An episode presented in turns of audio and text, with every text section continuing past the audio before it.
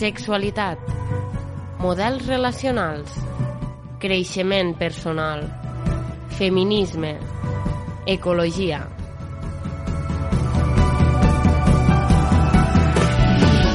Sense tabús, la secció de Ràdio Matarranya sense pèls a la llengua.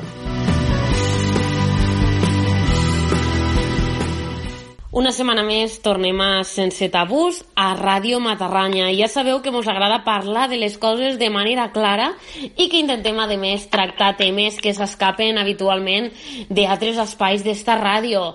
Avui tenim un convidat que ja coneixereu, és la segona vegada que està a este programa, però l'hem entrevistat altres vegades aquí a Ràdio Matarranya, al magazín d'actualitat matinal. I és que és Javier Sánchez de Consumo Conciencia, que cada any ve al Matarranya a fer fer xerrades als nostres adolescents a les aules per a conscienciar-los una mica del consum de drogues. Avui lo tindrem aquí de nou, parlant en concret de l'alcohol. Bon dia, buenos días, Javier. Hola, buenos días, Sabina.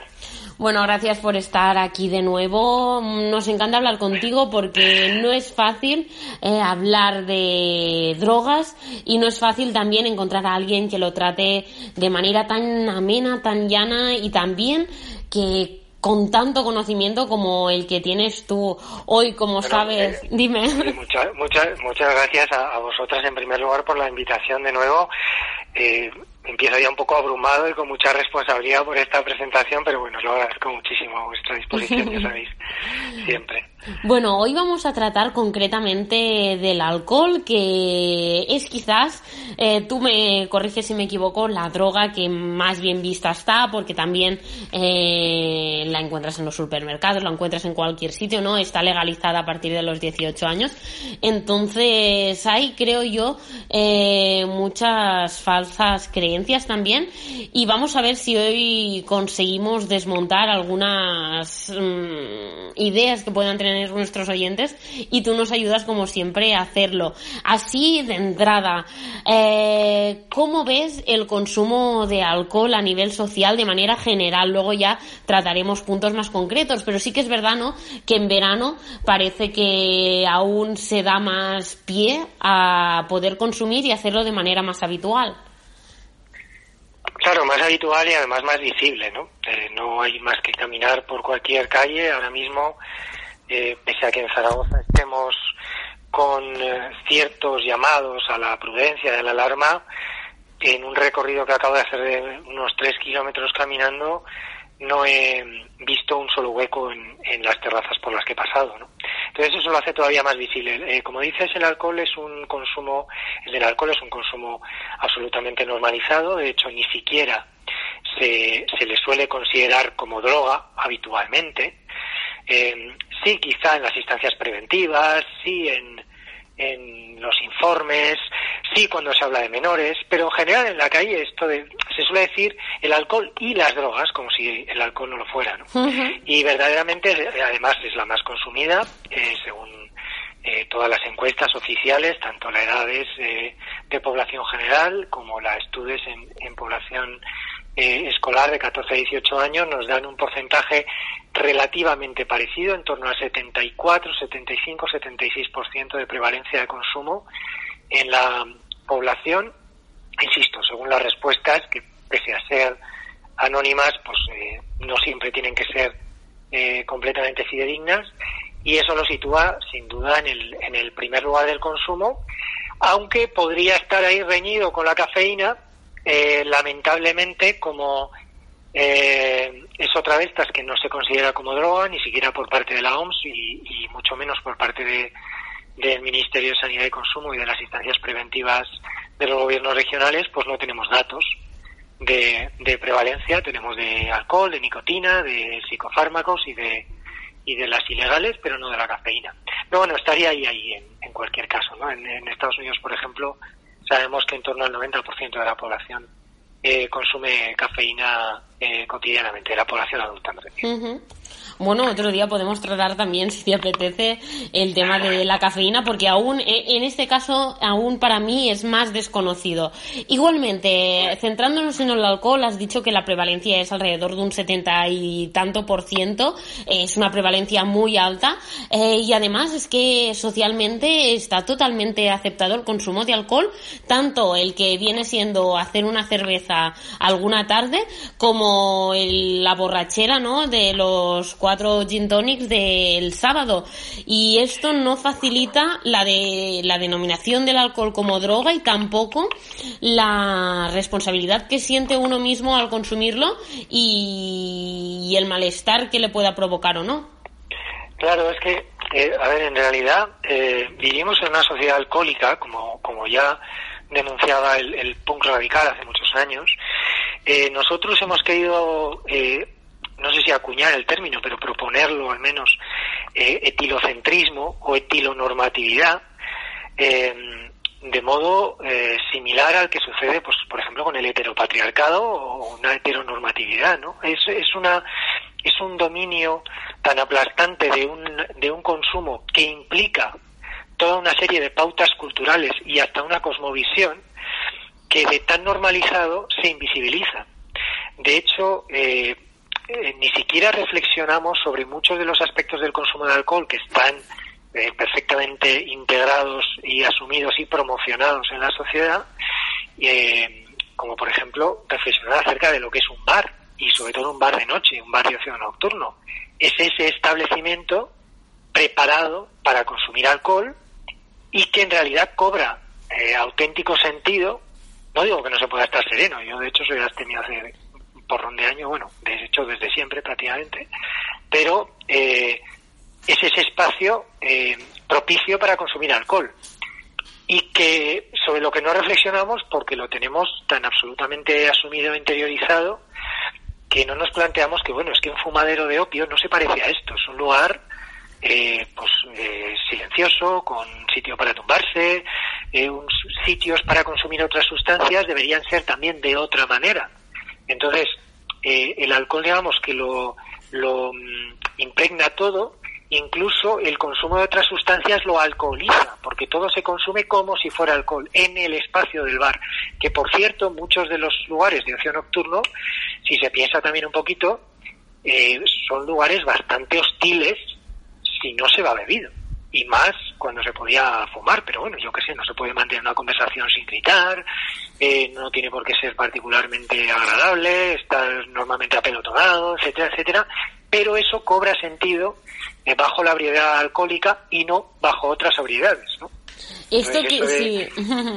Esto que dices, perdona que te interrumpa, tiene mucho sentido. Yo invito, si nadie lo ha vivido, alguno de nuestros oyentes no lo ha vivido, oye, que un día, ahora no porque no se puede, pero que salga de fiesta sin beber porque el panorama a las 6 de la mañana es espectacular.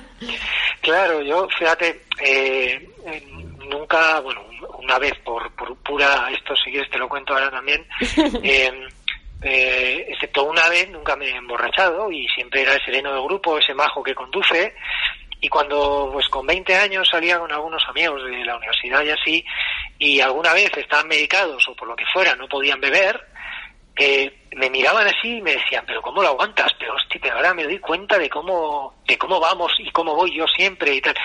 Esto que, eh, bueno, pues cuando uno va madurando lo ve diferente, pero hay una, hay una normalización del alcohol y de los espacios y hasta de la cosmovisión que de tan general es invisible.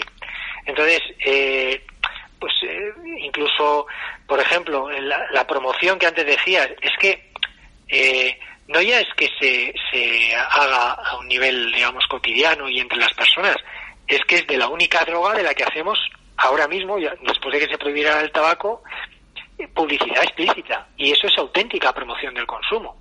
No de lo que, por cierto, nos acusan a las a las asociaciones de reducción de riesgos, ¿no? Por explicar y por dar información sobre otras sustancias, eh, falsa interesadamente, claro. Nos acusan, digo, pero, pero eh, el, bueno, pues eh, ponemos la televisión, ponemos la radio, ponemos, vemos las, las vallas publicitarias y, por supuesto, la, la explicitud del consumo en los bares y hay promoción permanente del consumo de alcohol. Entonces, pues eh, eso se sigue disfrazando en algunos casos, por ejemplo, como de cultura. No, es que el vino no es droga, es cultura. Ah, bueno, pues nada. ¿eh? hay países en los que ya se ha legalizado el cannabis y están empezando a sacar variedades gourmet exactamente y hacer catas exactamente igual que se hacen eh, catas de vino. Nosotros desde luego no somos partidarios de la promoción y de la publicidad en ninguna, eh, en el caso de ninguna sustancia. Eh, creemos que eso es contrario a, a, la prevención. Otra cosa es que no creamos en la prohibición. Es una cosa muy diferente. Otra, otro aspecto también de esta culturalización de, del consumo de alcohol es que supongo que es la droga que también inicia a los chavales antes de, normalmente antes de la mayoría de edad, al consumo de drogas, es la primera que toman, que de aquí ya puede o no eh, sucederse con otras, pero realmente eh, lo de que no se puede tomar alcohol hasta los 18 años es mm, bastante utópico en nuestro país, ¿no? No sé tú, que tienes más conocimientos y más datos, ¿qué nos puedes decir al respecto de esto? Claro, pues mira, en realidad, eh, como todo el tema de las drogas es amplísimo y se puede ramificar por varios sitios, eh, voy a tratar ese telegráfico. En primer lugar, eh, decir que, como antes comentaba, en las encuestas sobre población escolar, 14-18 años, tenemos una tasa de consumo muy parecida a la de la población adulta. Muy parecida en cuanto a frecuencia, al número de personas que reconocen haber consumido el último año, incluso el último mes. Eso en primer lugar. En segundo lugar, que mm, la, la cuestión de, de la em, reproducción del modo del modelo de consumo em, se da desde la vida adulta eh, sin ningún tipo de ejercicio de responsabilidad. Es decir, nos inflamos a hacer campañas, no es nuestro caso, ¿eh? de em, ah, dirigidas a los adolescentes de no consumáis alcohol porque hasta que no seáis tal, pero no lo hacemos desde el ejemplo. Lo hacemos simplemente desde el dicho, pero no desde el hecho. Entonces, ¿qué es lo que hacen las criaturas? Eh, evidentemente copiar lo que hacen sus mayores, no atender a las recomendaciones ni a las palabras, ni al cuando seas madre o padre comerás huevos, que esto sería una frase muy muy tradicional, pero desde luego educativamente no funciona para nada, ¿no? Entonces eh, las criaturas tienen ese ejemplo, más todavía eh, si nos vamos a entornos rurales que a entornos urbanos, todavía se empieza a beber antes, todavía esa esa esa mayor eh, facilidad de, de compartir intergeneracionalmente con primos, con amigos mayores, de las fiestas patronales, da pie a un consumo y a una normalización eh, en edades más tempranas.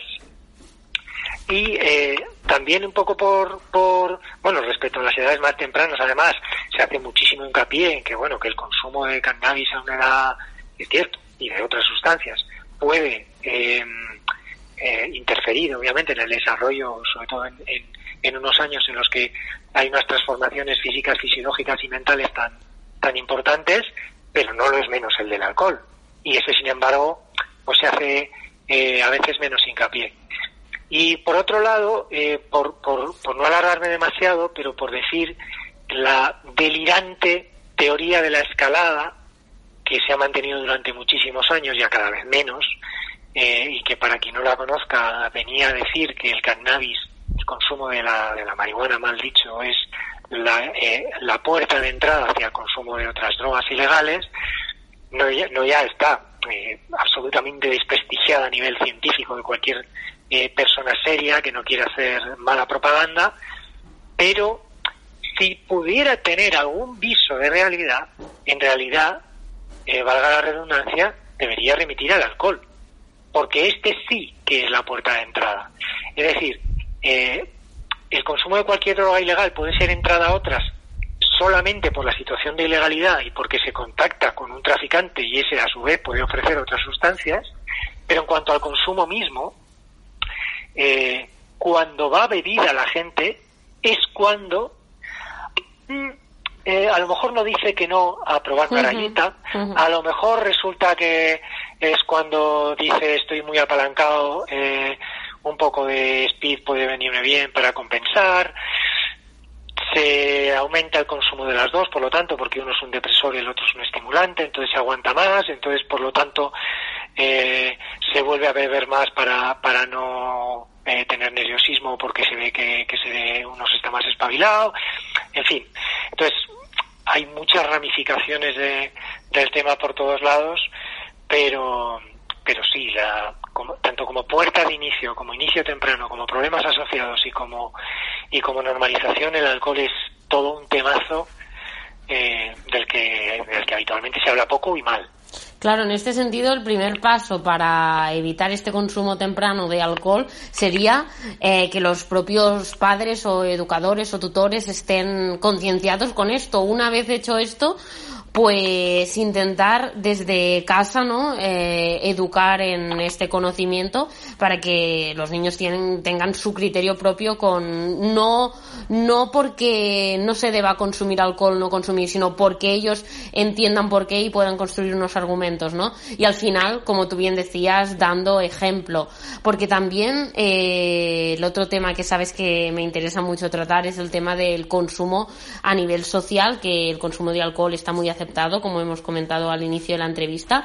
También, eh, tú que conoces tanto del tema, eh, ya has estado además en el Matarraña, llevas años viniendo anualmente, me gustaría que nos comentases qué diferencias encuentras entre el mundo rural y el urbano al, al, al momento ¿no? de tener eh, patrones de consumo de alcohol. Mira, respecto a esto último, empiezo por el final. Eh, las diferencias entre el mundo rural y el urbano, así a grosso modo, son un poco las que comentaba antes. Se suele comenzar antes en, el entorno rural el consumo, no solo de alcohol, también eh, a veces de estimulantes como la cocaína o la anfetamina o speed. Em, y luego, particularmente el del alcohol está especialmente normalizado como digo, sobre todo por, por un tema a veces, eh, son los propios padres o los propios primos o hermanos mayores los que en las fiestas patronales, pues pues eh, si no lo, si no son el ejemplo, pues lo comparten o hacen la vista gorda porque los chavalillos estén en su peña, bebiendo, etcétera, y no les preocupa tanto, ¿no? Hasta le pueden echar la bronca el momento, pero pero pero después eh, incluso comentarlo con, con como con gracia, ¿no? Pero esto por un lado, luego hay diferencias comarcales en el consumo de otras sustancias que a veces eh, tienen, pues, eh, digamos, eh, motivos sociológicos, sociogeográficos, podríamos decir, pues en el corredor del Ebro que va aproximadamente entre, pues entre Pedrola y Gallur Mayén, digamos que es casi el único foco casi, ¿eh? pero un foco en el que se consume mucho más, eh, mucha más ketamina que en todo el resto de Aragón, que es eh, un consumo muy, muy, muy minoritario, muy rarísimo. Sin embargo, en otros lugares, por ejemplo, hacia la zona del Matarraña, pues hemos detectado más consumo de cocaína que de anfetamina. Quizá por la, por, por una proximidad a Levante que le hace tener esos aspectos específicos, quizá porque han sido zonas con mucha bonanza económica y la bonanza económica influye en que se consuma más cocaína que anfetamina, que es mucho más barata en la calle. En fin, eh, las explicaciones son siempre multifactoriales y complejas y además, como digo, los, las estoy diciendo muy a grosso modo, pero sí se ha podido detectar eso, ¿no? Por ejemplo, en, en, en preguntas de menores he tenido más de cocaína que en otros lugares. Eh, lo cual no, no, no, debe llevar a la, alarma tampoco, o sea, no quiero infundir el, miedo. En otros lugares me preguntan más por la fetamina, o, insisto, no debe dar más miedo eso que, el propio consumo del alcohol, ¿no? Así que esas, esas son, sí que son algunas diferencias, y respecto al consumo social que decías al principio, eh, recuerdo que, que cuando eh, nos entrevistasteis eh, al final de la pandemia, al final de la pandemia no miento, al final del confinamiento, que todavía estamos con la pandemia, pues eh, hablábamos de que mucha gente confinada había podido descubrir que su consumo no era tan social como creía, ¿no? El del alcohol, ¿no?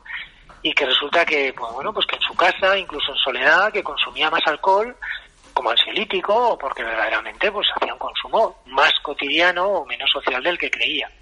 También hay una especie de, de, bula papal con el consumo del alcohol que ya no es eh, la, la, bueno, pues la permisividad a fiestas, a macrofiestas, a botellones, a grandes aglomeraciones de gente que después generan toneladas de basura y ahí no se escandaliza tampoco eh, demasiado la sociedad, sino que además ahora, como digo, pues en las terrazas resulta que para entrar en una biblioteca poco menos que hay que hacer un recorrido, que es una gincana, si es que te dejan y además no puedes ni acceder a, al fondo de los libros, ni de, los DVDs, ni de nada, de nada, pero resulta que, que, para estar en una terraza de un bar, ahí no, no hay restricción, o no hay, en la realidad, en la práctica, no hay apenas restricción, ¿no? Como que hay también más revuelo mediático y social si te prohíben eso que, que si que si te impiden otra cosa o te lo dificultan, incluso si se recuerda muchísimos de los deseos de la gente que estaba confinada que decía, ¿qué es de lo que tienes más ganas? de una caña en una terracita. Bueno, y eso tampoco nadie se escandaliza, por mucho que lo digan en los medios, porque no se entiende como promoción del consumo. O sea, una cosa es, eh, pues bueno, que todos los que todos los consumos deberían estar eh, deberían abordarse desde una perspectiva no alarmista, desde luego no prohibicionista, eh, sensata, educando en la responsabilidad y educando en un consumo responsable, desgraciadamente no es así, pero es que claro, con el alcohol siempre vamos tres o cuatro pueblos por, por más, mucho más allá. Totalmente, totalmente. Es muy interesante el punto de vista que has dado de plena actualidad de solo ver, ¿no? La televisión o solo ver cómo se está tratando el desconfinamiento, qué se prohíbe más, qué no, con qué se es más permisivo, con qué no. Eh, esto ya nos da muchas pistas, ¿no? De en qué juego jugamos. Eh, también en este sentido, mucha gente, ¿no? Diferencia entre lo que viene, lo que sería el, no sé si tiene un nombre técnico, el alcohol duro, vodka, ginebra, eh, tequila además de la cerveza, como que aún está dentro de lo permitido, más permitido y además también supongo que es de lo que más se consume porque al final es más difícil encontrar la situación quizás para tomar un gin tonic entre, un, entre semana o una tarde, pero es mucho más fácil la cerveza como bien tú comentabas. Claro, o el vino comiendo, o el vino de cuando sea, porque como ya digo además, el vino no es droga, es cultura. Bueno, claro que es cultura, pero es que las drogas son cultura. Siempre lo han sido y siempre lo serán, porque tienen una relación eh, estrechísima con, eh, pues con cómo es nuestra sociedad, con cómo es nuestro, incluso nuestra economía, con cómo es nuestra manera de mirar el mundo. No es lo mismo una sociedad que tiene el consumo mayoritario eh, que es, eh, tiene el alcohol como consumo mayoritario con otra que tiene pues al opio o que tiene a la ayahuasca o que tiene otras sustancias, eh, tienen cosmovisiones diferentes, mediadas por eso, tienen patrones culturales diferentes, o sea, es un ingrediente más de la cultura, pero todas, no solo la nuestra, y resulta que llamamos eh, eh, drogadictos a otras personas o degeneradas a otras culturas que, bueno, pues lo que sé, no sé si eh, alguna vez hemos comentado que, que eh, entre las imposiciones, por poner un solo ejemplo, ¿eh? de 10.000 que podríamos poner, pues, el, pues el, el gobierno eh, estadounidense obligó al gobierno títere del Shah de Persia en los años 50 a cerrar el fumadero que había en el Parlamento iraní. Esto viene a ser como si obligasen a cerrar el bar del Congreso de los Diputados. Entonces, es, o sea, digamos que eh, el mundo, eh, la, metrópoli colonizadora eh, imperial ha obligado también a buena parte del mundo a asumir los consumos propios y a erradicar pues, los consumos que eran tradicionales en otros en otros lugares. Y eso que el opio en realidad era la droga más utilizada en el arco mediterráneo durante el, durante el Imperio Romano y muchísimo después, y hasta el siglo XIX ha sido usadísima, el cannabis también, o sea, que decir, se han erradicado cosas que también eran más propias de, de usos de aquí, ¿no? Pero se ha impuesto una, y además tiene que ver incluso, si nos fuéramos más allá, no me voy a alargar porque me, me puedes tirar eh, piedras atrás del teléfono por, por rollero, pero, pero claro, eh, la historia de las religiones es apasionante y la relación entre por qué se impone el alcohol y se prohíben otras, tiene mucho que ver con la historia del cristianismo, tiene mucho que ver con que, con que a partir del 393 pues se impusiera como, como droga, o sea, como religión oficial, eh, religión oficial del Imperio y obligatoria, que se quemase la Biblioteca de Alejandría y después la de Bizancio para poner un determinado, eh, una ignorancia farmacológica eh, y no solo farmacológica, sino de otros conocimientos, también astronómica, científica en general, y, imponer el dogma y, bueno y la sangre de Cristo se hizo cultural. Y eso tiene incluso relación pues con patrones culturales como el del chivo expiatorio como como el de proyectar los males sociales en grupos desviados. En fin el, tema es apasionante. No me voy a, alargar más por esto pero pero bueno y, y no sé es, quería comentar más cosas, pero son de otro tema y no sé si me vas a preguntar alguna bueno, cosita más. Javier, parece que nos estés incitando a que te invitemos más veces, porque la verdad es que es una caja de sorpresas el tema este último que has estado comentando. Yo como historiadora, pues aún me gusta más, o sea que, bueno, ya sabes. Yo también soy historiador en realidad. De hecho, empecé en las drogas a de 19 años por ahí, por la historia de las drogas, por, por las relaciones con las culturas, con las religiones y, y es apasionante, la verdad. Bueno, ya para terminar, otro día tratamos este tema que tendremos que hacer una sección especial que sea el doble de larga, eh, pero me gustaría también que comentaras eh, los efectos que tiene el consumo del alcohol y no me estoy refiriendo a los consumo a los efectos de que todos conocemos a, al, al momento o la resaca del día siguiente, sino los lo, las consecuencias a largo plazo del consumo habitual de alcohol. Mira, eh, a ver, eh, en primer lugar, en términos de, digamos, de cosmovisión o de, o de, o de, sociología, el alcohol, aparte de otros muchos efectos de relajación, de bajar la ansiedad, de desinhibición, de esto, de aquello, eh, de alguna manera fomenta la, la irresponsabilidad y la inconsciencia. Y esto se nota a nivel social y se nota a la larga, porque una droga no solo influye en el momento en el que estás ebrio, o sea, digamos que como todas nuestras experiencias, como el lugar donde trabajamos, como el sitio donde nos hemos educado, etcétera, etcétera, y nuestras relaciones cotidianas moldean nuestra manera de pensar y de mirar el mundo.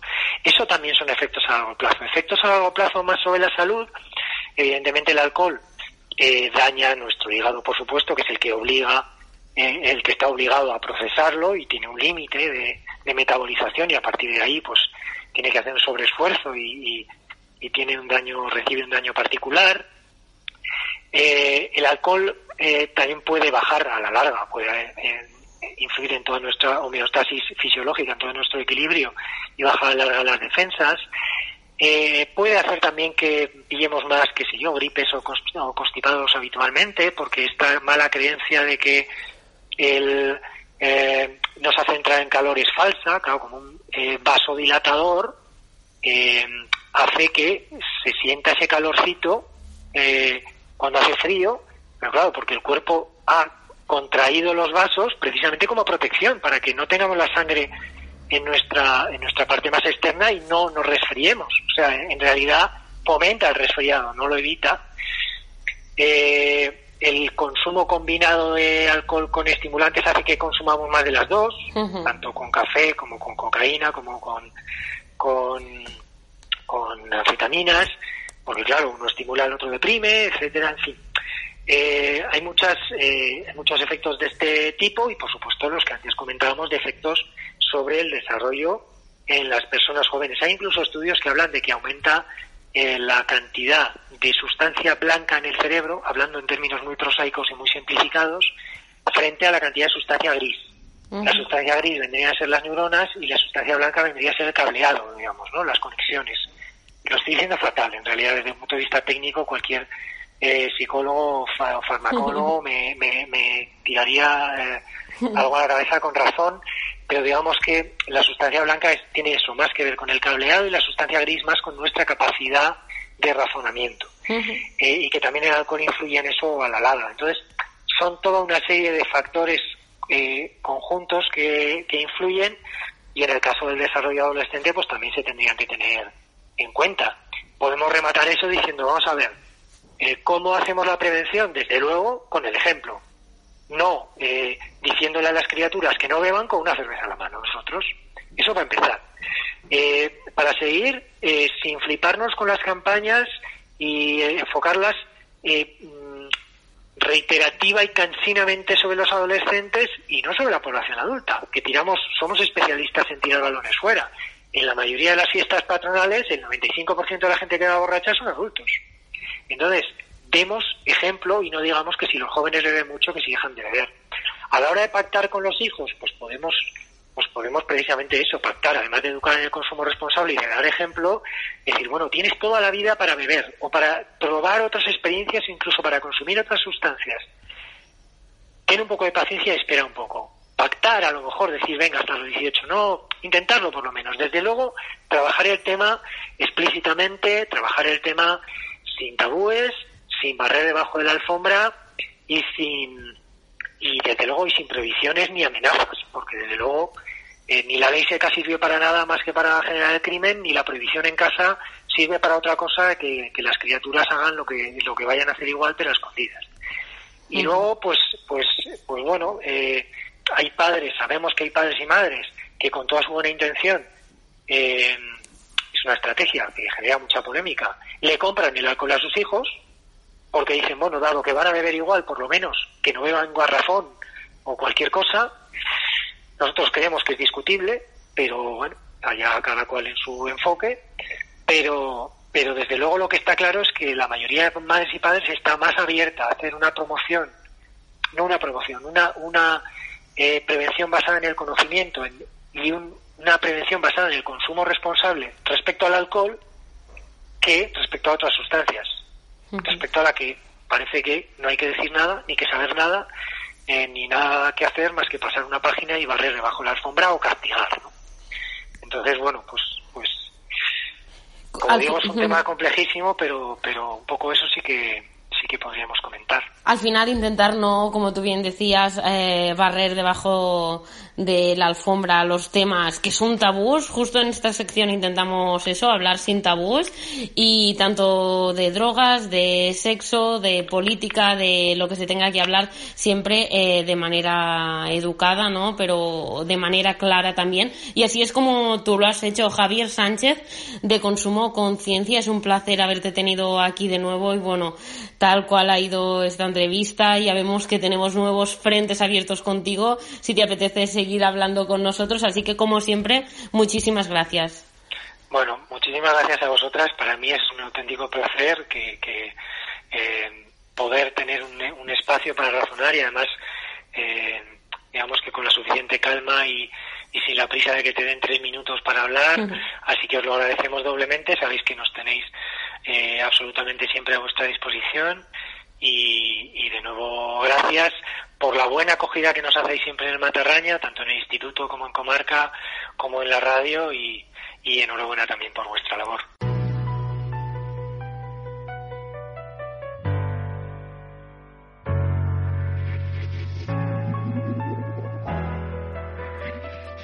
Sexualitat, models relacionals, creixement personal, feminisme, ecologia